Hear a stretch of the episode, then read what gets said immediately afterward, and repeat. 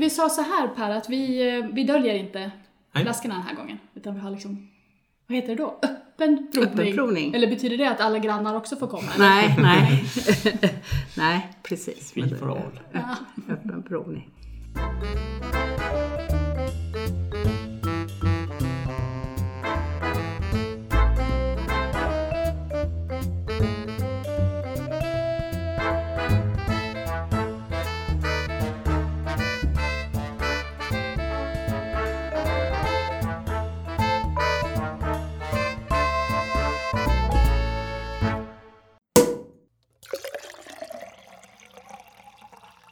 Välkomna till eh, dagens avsnitt av Bubbla med Ulla.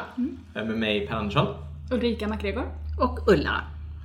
Och idag ska vi prata om champagne. Spännande!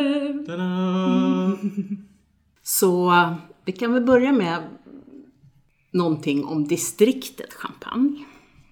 Om man bara räk- jämför liksom, hur stor är vinregionen Champagne så kan man jämföra att det är ungefär en tiondel av Gotland. Ja, det är inte så stort. Det är inte så stort. Det är inte så mycket. Men här gör man då varje år 350 miljoner flaskor. Jösses! Ja, bra skördar. Så ja, något som är speciellt med champagne det är ju att det, för att heta champagne så måste druvorna vara odlade i det här området. Då. Och sen så, så måste de också vara tillverkade på ett speciellt sätt. Det är därför allt annat vin, även om det är gjort på samma druvor med samma metoder, fast bara utanför de här, det här distriktet, det får alltså inte kallas champagne. Men det kan ju vara väldigt goda viner ändå. Då. För champagne måste ju vara det mest välkända distriktet som man känner till när det gäller viner och sådär. I alla fall vad man hör ganska ofta eftersom det är ett eget nästan varumärke kan man säga.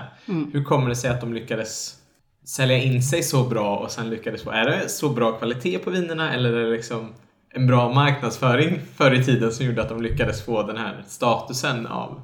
Ja, det måste väl vara en kombination med att, att man har marknadsfört det som, som det, det bubbliga vinet. Liksom. Mm. Med så många kända märken också som man har. Ja, det är ju många vinmärken av champagne man kan känna igen som man kanske inte gör av andra sorter av viner. Utan Nej.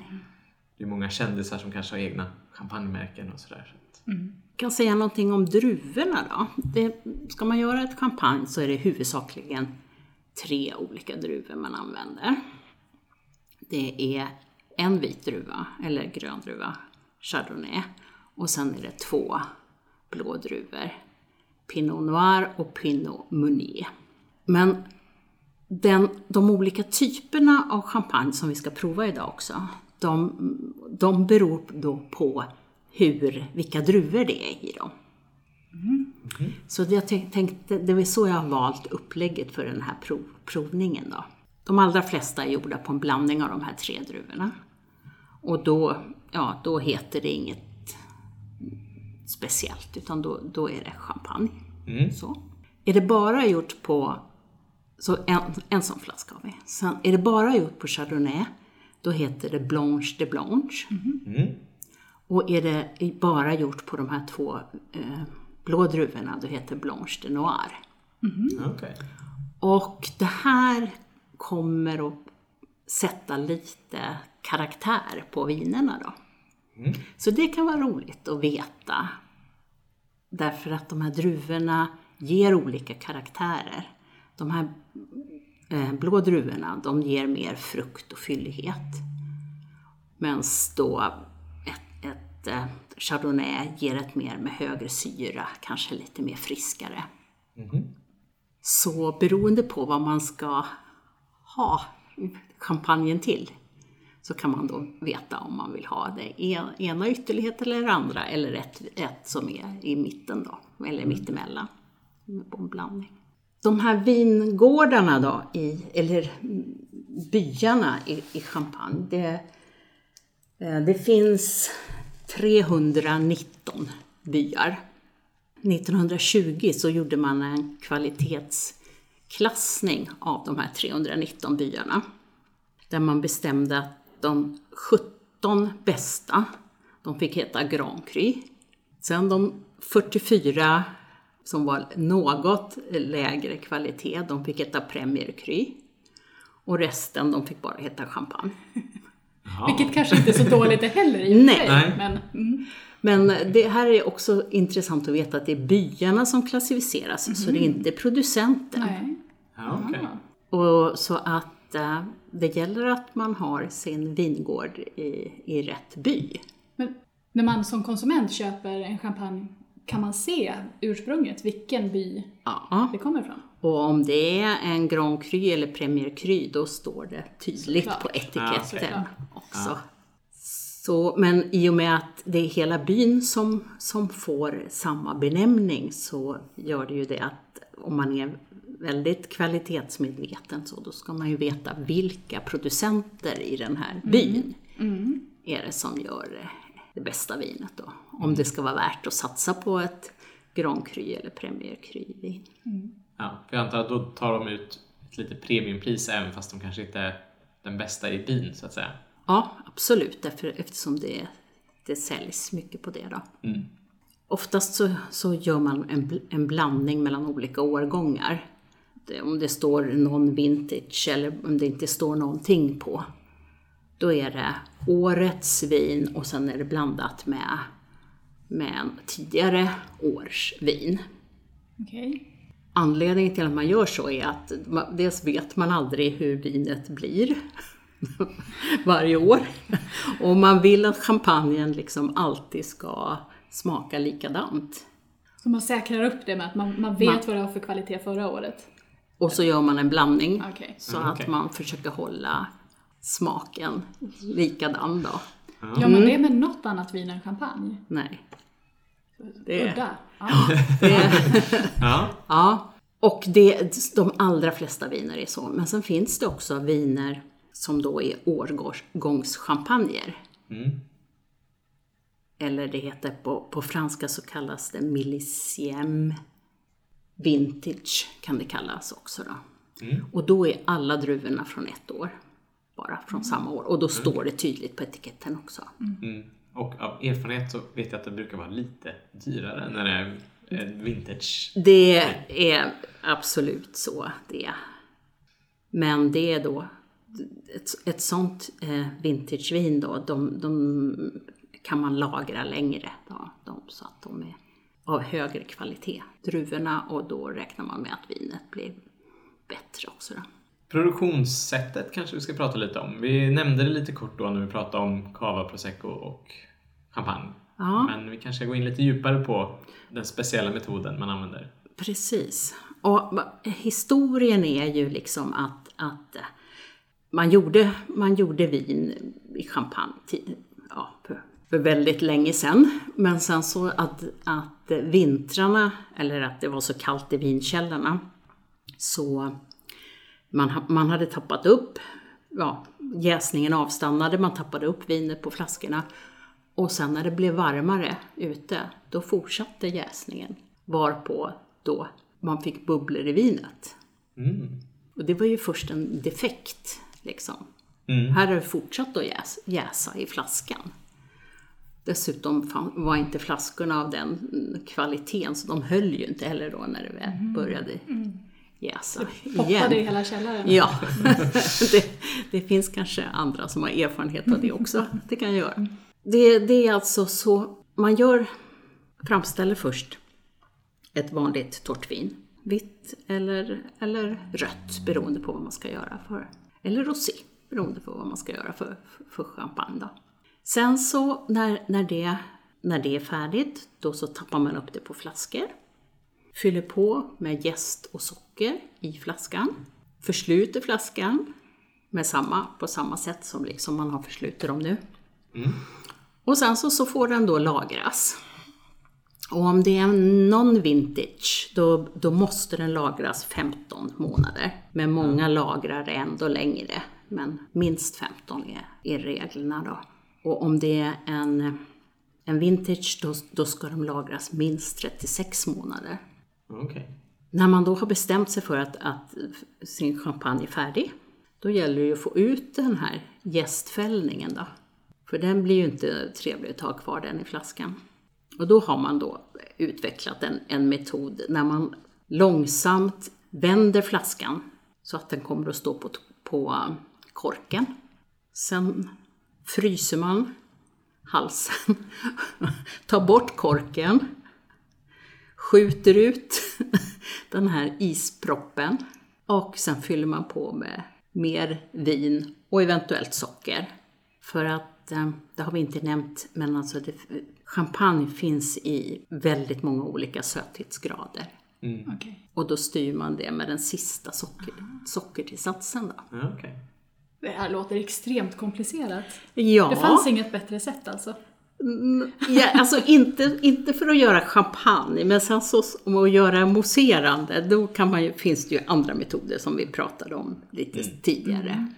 Jag som ingenjör förundrar lite, hur lyckas man frysa? Vad har man för frysmedel? Är det liksom en kylkrets med Kolsyre. Ja, glykol kol- som går runt? Eller Nej, men kolsyra? ja, det, är, det är kolsyra. Ja, Kolsyra. sätt sådana där bad, liksom. Ja. När de kommer och doppar ner flaska för flaska. Det- Ja det, låter, ja, det är ju nästan som man känner att det är pengarna helt plötsligt, för vilken omständlig process, Jaha. vilken tid det måste ta. Och, och, och speciellt förut när man var tvungen att, att vrida de här flaskorna för hand Långsamt. långsamt, med, om, om det var då ett kvartsvarv eller ännu mindre per gång man vred så att det till slut skulle stå på, Ja. på korken. ja. Men hur kommer det sig, för champagne är ju känt att ha mycket små bubblor har vi pratat om. Hur kommer det sig att champagne får så mycket små bubblor? Är det för att det är jäst, en speciell jäst eller lagringstiden som gör att det blir de här små, många bubblorna? Det, där, där får jag ju bara gissa, men jag tror ju att det är metoden, tillverkningsmetoden. Och att det liksom ligger så himla länge då. Mm. Så att gästen verkligen får ja, utnyttja allt, allt socker den kan då för att, för att skapa de här bubblorna. Men vi kan kanske säga lite om de här torr, eh, torrheten också då. Mm. För det, det är lite komplicerat men man har inte valt någon enkel skala om man säger så. Det låter helt i linje med den övriga tillverkningsprocessen. Ja. Så, Med så, fransmän eller? så, man kan säga i alla fall finns det fyra olika mått på ett vin som är i torrt eller i stort sett torrt. Det kan heta Bry Natur, Zero Dosage, Extra Bry eller bara Bry. Det, de kommer att upplevas som, som torra. Vi, vi kan väl se nu när vi, när vi provar, jag tror att det skiljer. Ja, de, kom, de vi kommer prova kommer ligga på eh, 5, 6, 7 gram per socker per liter. Mm. Så det är väl ganska normalt för att få ner lite av syran. Sen så, så finns det då också de som blir sötare. Och då, då har vi extra säck med 12 till 17 gram socker. Sen kommer säck 17 till 32.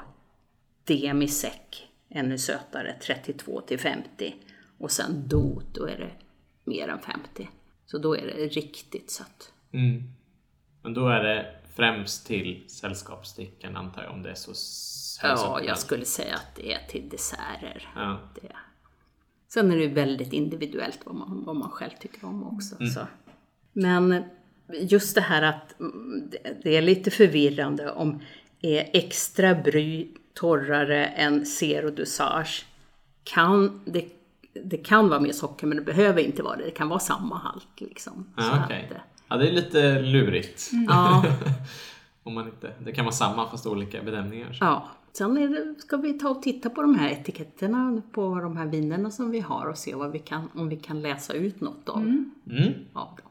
Vi har ju då nu köpt på halvflaskor så att eh, det var lite begränsat sortiment Ja. tyckte jag.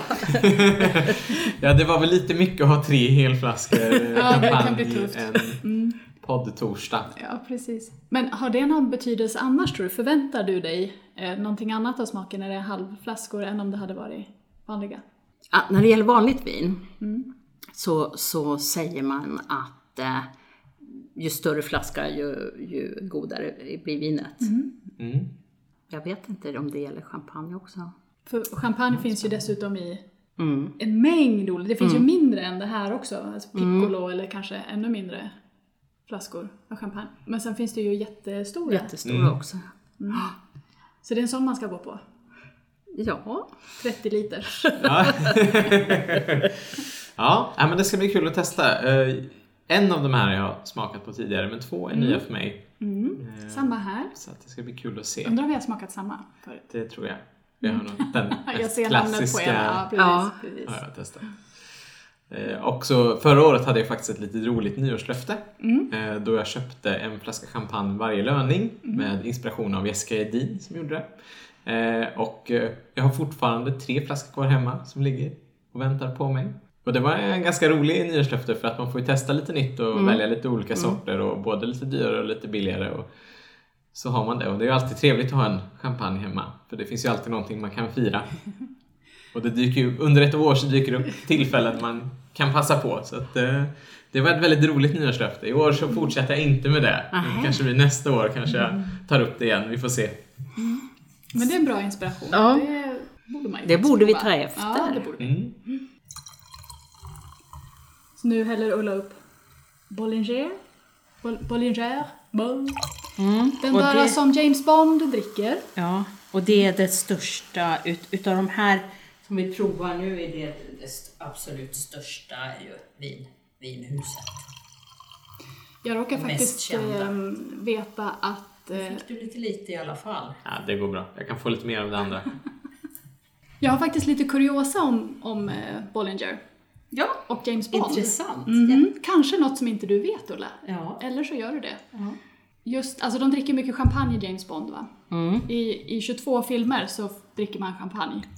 Och i 14 av dem är det just Bollinger. Okej. Och Roger Moore var den första James Bond som drack Bollinger på film. Nu blir det intressant att titta på färgen också på de här. För att vi kan förvänta oss en liten skillnad i färg i och med Men som ni ser, alltså Även om det är Pinot Noir i två av de här så är det ju inte rött. Nej. Är det skalen då som man har plockat bort eller? Så man har pressat så försiktigt. För att inte få någon, så att det inte tar, tar någon färg alls. Och det, det krav bland annat i champagne är att man måste handplocka druvorna. Så man får inte plocka med maskiner. Oj! Ja, och det är bland annat för att eh, om man plockar med maskiner så går de ju oftast sönder. Mm. Och då hinner man inte få in, liksom, få in det till vin, vineriet innan musten har tagit färg. Så de handplockas och sorteras för hand. Vilket ju också är såklart någonting som påverkar priset. Yes! Då är det upphällt och klart. Ja, Mm. Då kan vi väl börja försöka titta lite om vi ser någon skillnad på färgerna. Det är ju inte så stor skillnad som det var på rosévinerna när vi såg Nej. skillnad. Nej. Men det är ändå ett är ju lite ljusare. Det Mm. till, Till vänster, var- det var bo, Bollinger. Det var det som var på, på, bland, på blandningen. Fast det känns ju som tre. egentligen att både den och trean är ganska lika i färg. Att det i mitten är lite mera gult. Lite mer gult. ja, precis. Mm. Det bubblar fint i alla glasen i alla fall. Ja, Det gör det. Och jag tror nästan det bubblar mest i ettan. Men eh, då tycker jag vi luktar och smakar på de här då. Då börjar vi med ettan, som vi vet är Bollinger. Ja. Och det var den som vi uppfattade som att det var väldigt högt tryck i den flaskan Just också. det. ja. Det poppade ordentligt. Och det här Ja. är det jag har smakat förut. Jag gissar att det är det du också har smakat. här. Det var gott. Är det en favorit? För dig? Alltså, jag kan inte säga riktigt om jag har någon, någon sån här favoritchampagne. Jag har konstaterat ju förut att jag har druckit alldeles för, för lite utav de här vin- vintagechampagnerna. Jag har, Ja. När vi har åkt ner i Frankrike så har man ju koncentrerat sig på de mindre odlarna så man kunde köpa mer flaskor. Mm. Men den var riktigt god. Ska vi testa mitten? Mm. Oj, den hade en tydlig annan doft. Oj! Den fanns i smaken också. Är det jäst eller är det någonting annat? Att, ja, ja Det är det, det, det känns som jäst. Man brukar säga bröd. Mm. Surdegslimpa. Ja, ja men bröd är ju ändå en tydlig. Men också bra bubblor på den. Det är då det är den som bara var chardonnay. Okej, så den ska vara lite syrligare då. Lite, lite, man kan förvänta sig att den är lite sy, syr, syrligare och inte kanske riktigt lika fyllig. Ja, men det håller jag nog med om. Den är lite lätt, lättare på Lite- slutet så. Ja, ja, men det... Du provade sista? Ja, det var den som var Blanche de Noir. tyckte det var små, små bubblor. De var liksom lite så här pirriga. Mm. Den hade fått väldigt bra omdöme på, på någon sida som jag tittade på. Se om man känner någon skillnad på de två yttersta. Jag tycker att de två första hade lite liksom mer distinkta dofter och smaker. Den, den tredje var god men den känns lite diffus eller lite... Enligt tillverkaren så ska det vara kalkig champagnekaraktär, feta röta äppelskal, gula plommon, rostat bröd och karamell. Men jag tycker att eh, nästan att ettan hade ännu mer av det. Ja, men den i mitten var ju den som stack ut mest av de här tre i alla fall. Det är mest bröd i den tycker jag. Den jag tyckte var minst god liksom. Jag tror att den är lättast och liksom, om, om man skulle ha, jämföra, den här skulle man kunna säga att det var en champagne. Tack vare det här Just. brödet och jästen. Mm. Mm. Ska vi fylla i det här, eh, din fina formulär vi har framför oss också? Alltså vi kan väl se om vi, om det, om vi hade någon, om vi tyckte att vi kände någon skillnad på fyllighet, sötma, syrlighet och bubblor. För det är nämligen lättare att komma ihåg sen efteråt om man tar sig en liten stund och, och reflekterar runt det. Och sen om, om man känner någon skillnad kan man alltid diskutera också är det, vad det beror på i så fall. Mm. Och formuläret lägger vi upp på Instagram. Där vi finns på vårt konto som heter Bubbla med Ulla i ett ord. Och våra recensioner kommer på Vivino sen också. Just det. Du säger att det är fiskdoft på första. Och jag tycker att det är fruktigt också. Ja, men det lärde vi oss att man kan lukta på sig själv om man ska lukta på något annat. För det kan vara svårt ibland när man har luktat så mycket. Man Och sin egen doft känner man oftast igen. Så. Sin egen parfym. Ja, precis. Mm, den, Bollinga, den, den, den finns ju i standardsortimentet. Så den är ju provad av Systembolaget. Utvecklad doft med rostad ton, inslag av gula äpplen, kex, nougat och apelsinblommor. Jag kan säga att det, det är ganska mycket av de här blåa druvorna i den här Bollinger. Det är totalt 75 procent, så bara 25 procent chardonnay. Okej. Och om, man tänker så, så tror jag att de hade lite mer, ettan och trean hade mer samma karaktär. Absolut. Och skilde Ja. sig från, Ja. från tvåan. Mm. Det beror säkert på det. Okej. Att, det. att det är druvorna som är olika. Sen kan den här ha legat extra länge på, på gästfällningen. Den har legat tre till fyra år anger Systembolaget. Okej. Och det behöver bara lagras 15 månader då eftersom det här är non-vintage. Så den har ändå legat väldigt länge Ja, för att laga till sig. och det tror jag vi har förklaringen till, till det här eh, fina bubblorna och, och det höga trycket i flaskan. Mm. Det var inte så stor prisskillnad på dem i alla fall om man jämför de här små flaskorna. Nej, de låg ganska lika. Det skiljer lite, men, och där, där Bollinger är det dyraste då. Den här tvåan har ju en väldigt spännande ja. doft alltså. Den är Mm. väldigt Så tydligt distinkt. annorlunda. Ja, när man precis. sticker in i näsan så är det Det kommer direkt Ja, liksom. verkligen. Och det sitter i smaken också. Du får det med precis samma. Mm. Hade Systembolaget smakat den? Ja. Stor nyanserad doft med inslag av hyacint, nötter, gult äpple och citrus. Hyacint. Jacynt. Ja. Ja, Det är kanske inte ens så dumt. nej. Det stämmer nog bra. Nu är det jul igen. Det blir nyårschampagnen det här. Ja.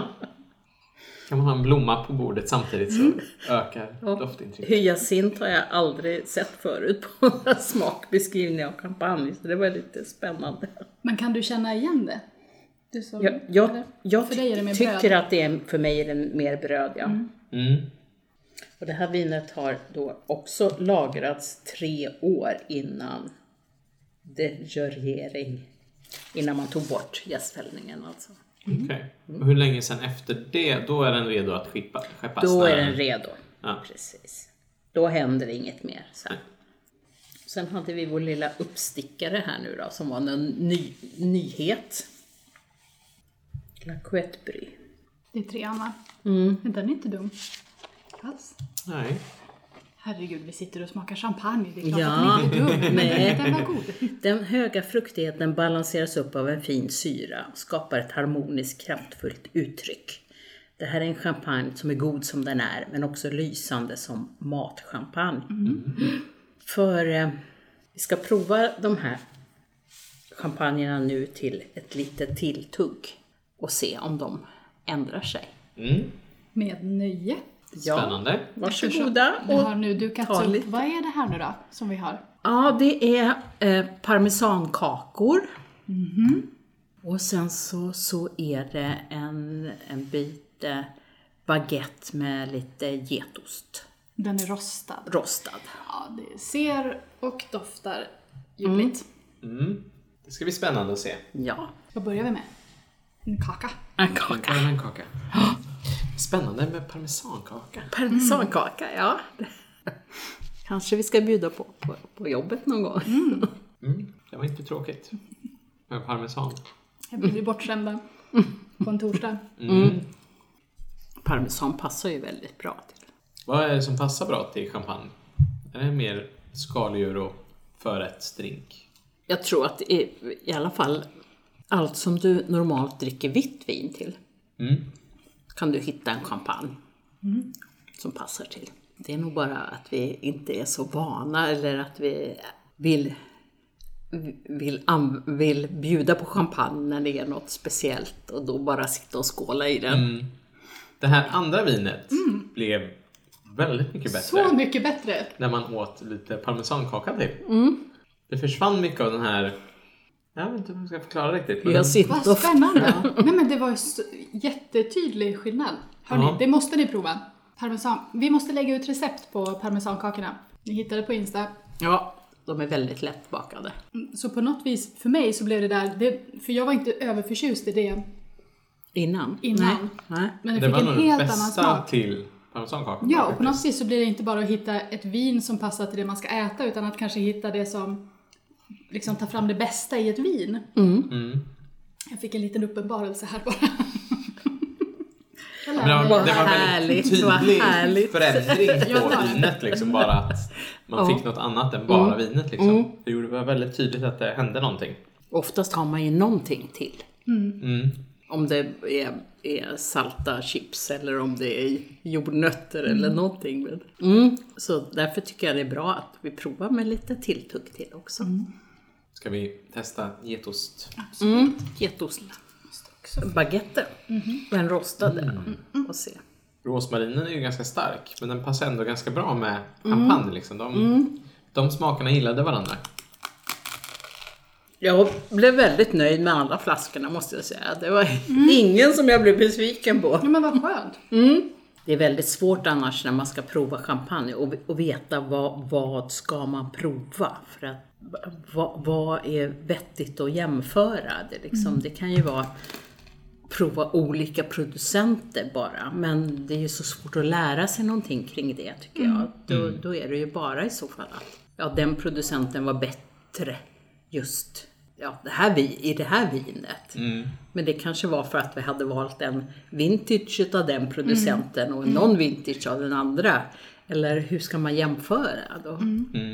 Mm. Sen gör ju de flesta till vinproducenter gör ju också kanske någon prestige. De, har- de har sina olika klasser, även om det inte finns några officiella, liksom mer än, än de- här non-vintage och vintage. Så kan de ju ändå göra något som de kan kalla prestige-champagne. Som de då tar mer betalt för och som de ju tycker är bättre. Men det finns inga regler för vad är en prestige-champagne. Nej. Utan det är, väl, det är upp till var och en att bestämma sig för. Jaha. Så att det, det är så svårt att veta vad, vad ska man liksom jämföra i så fall. Ska man jämföra tre olika champagner från samma tillverkare men olika prislägen till exempel? Det, Men nu Det kan ju vi, vara något. Nu hade vi tre, tre viner som vi provade idag. Mm. Om man skulle lägga till ett eller ett par, skulle man kunna utöka det? Finns det fler druvor som används eller är Nej. det är liksom... Nej. För den här provningen så är det den, de här tre varianterna. Mm. Sen kan du såklart i den här, den här nu som är med, med alla tre druvor som de flesta, man kan säga, champagnerna är, kan du ju ha att olika tillverkare väljer olika procentandelar av de här olika. Druvorna. Så, så Bo- Bollinger till exempel, de, de har alltid huvuddelen Pinot Noir. Och det kan man ju prova mot den som då som har en producent som har huvuddelen Chardonnay. Men det är ju inte säkert att skillnaden blir så himla stor så liksom en vanlig amatör kan, kan känna den skillnaden. Det är ju inte säkert. Det kan ju vara andra saker som avgör liksom var, ja, vilken årgång det är eller var vingården ligger eller så. Men har man någon möjlighet ens att hitta, jag tänker nu viner från, skulle det kunna vara en provning att man hittar viner från samma by? Kanske ja, bara från olika gårdar i samma by, eller ger det någonting överhuvudtaget? Ja, jag har aldrig provat en sån. gjort en sån provning. Nej men vi kan göra en lista på lite olika champagneprovningar så kan vi se vad som är värt något. Ja. Då borde man ju tänka då att de, här kommer de från samma by, då borde de ju vara likadana. Ja, precis. Men olika Ja. prisklasser kanske. Men man kan säga också att, eh, som till exempel de stora vinhusen. Det, det, det finns liksom så o, flera olika möjligheter i, i champagne. Eh, det, det är inte bara liksom att, att göra sitt eget vin. Det finns till exempel champagnehus då, som har e, egen mark och odlar egna druvor, men som också köper andras druvor. Sen, sen finns det de som bara gör sin egen champagne. Sen finns det, all, och allt det här ska gå att läsa ut på etiketten, alltså egentligen, om, om man läser. Och inte på de här små flaskorna, för här står nästan ingenting på de här etiketterna, men på de större etiketterna då. Det finns till exempel där två eller fler odl, odlare de har ett gemensamt vineri, men de, de marknadsför sitt eget vin. Sen finns det kooperativ. I Champagne finns det 100 kooperativ. Låter väl ändå rimligt med tanke på att det är på så liten yta, hur ska man annars få plats? Precis, precis. Sen finns det de som sä- säljer sitt eget vin, men att det är gjort på kooperativet. Sen finns det de som köper bara vin, vinet och sätter på sin egen etikett och säljer det. Som fritt vin. Ja, det, det kändes lite fusk faktiskt. Ja, men det finns det också. Och sen finns det de som, som eh, där liksom en, en eh, kedja eller restaurang eller något sånt kö- köper druvor och, och liksom marknadsför dem som, som sitt vin. Och det finns ja, 19 000 odlare i alla fall i champagne. så att, Oj, ja då har de inte mycket yta Nej, per odlare. per odlare. Så att, Men det är, det är för att det är så prestige man gärna vill ha odling då, i champagne. Av gammal hävd, det är många familjegårdar eller liksom.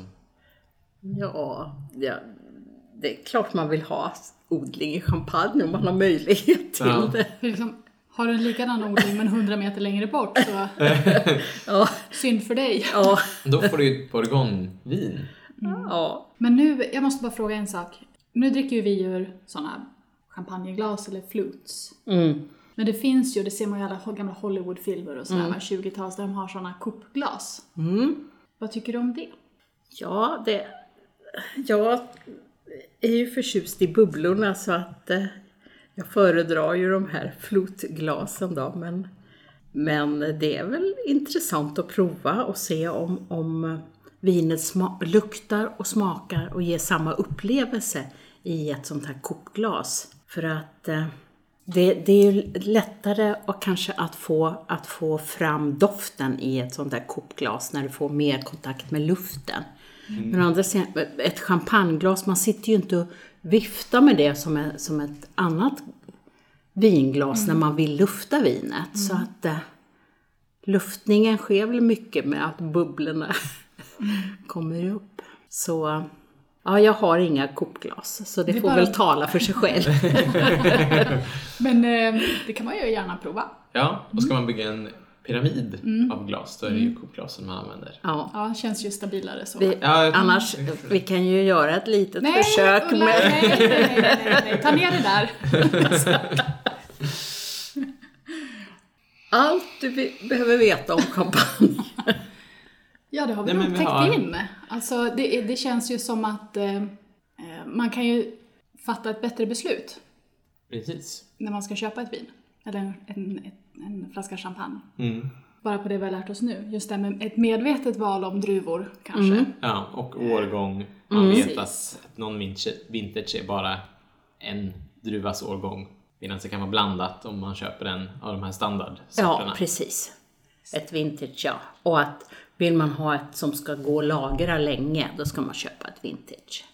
Hur länge kan man lagra en champagne då? Om det är vintage eller vanlig? Eh, man, det man säger är att vintage kan du lagra i 10 år. Mm. Och eh, non-vintage i 3 till 5. Det är ändå ganska länge ändå. Alltså Ja. 3-5 år är ju... Ja. Kommer dina att lagra så länge Per? Jag har ju som sagt tre kvar. Mm. Och de ligger nog risigt till nu i sommar. så att eh, det vi får se. Jag, kan ju, jag har ju tre flaskor, jag kan ju göra min egen lilla provning nu. Nu blir det väl lite mer göra? randomized eftersom jag inte har haft någon tanke när jag köpte Nej, dem. jag tänker utan säga, det du får kolla mer- upp nu när du kommer hem vad det egentligen är du har. eftersom jag har en favorit som jag inte riktigt vet vad det är. Så då borde jag kolla upp nu när jag vet lite mer om druvsorter och så och vart den är producerad. Då. Och så vet vi att vi ska köpa de stora flaskorna. ja, inte de här små som dessutom är dyrare per liter. Och så får man eh, med sig lite mer information på de stora Ja. också. Och så kan man investera i en sån här vinkork.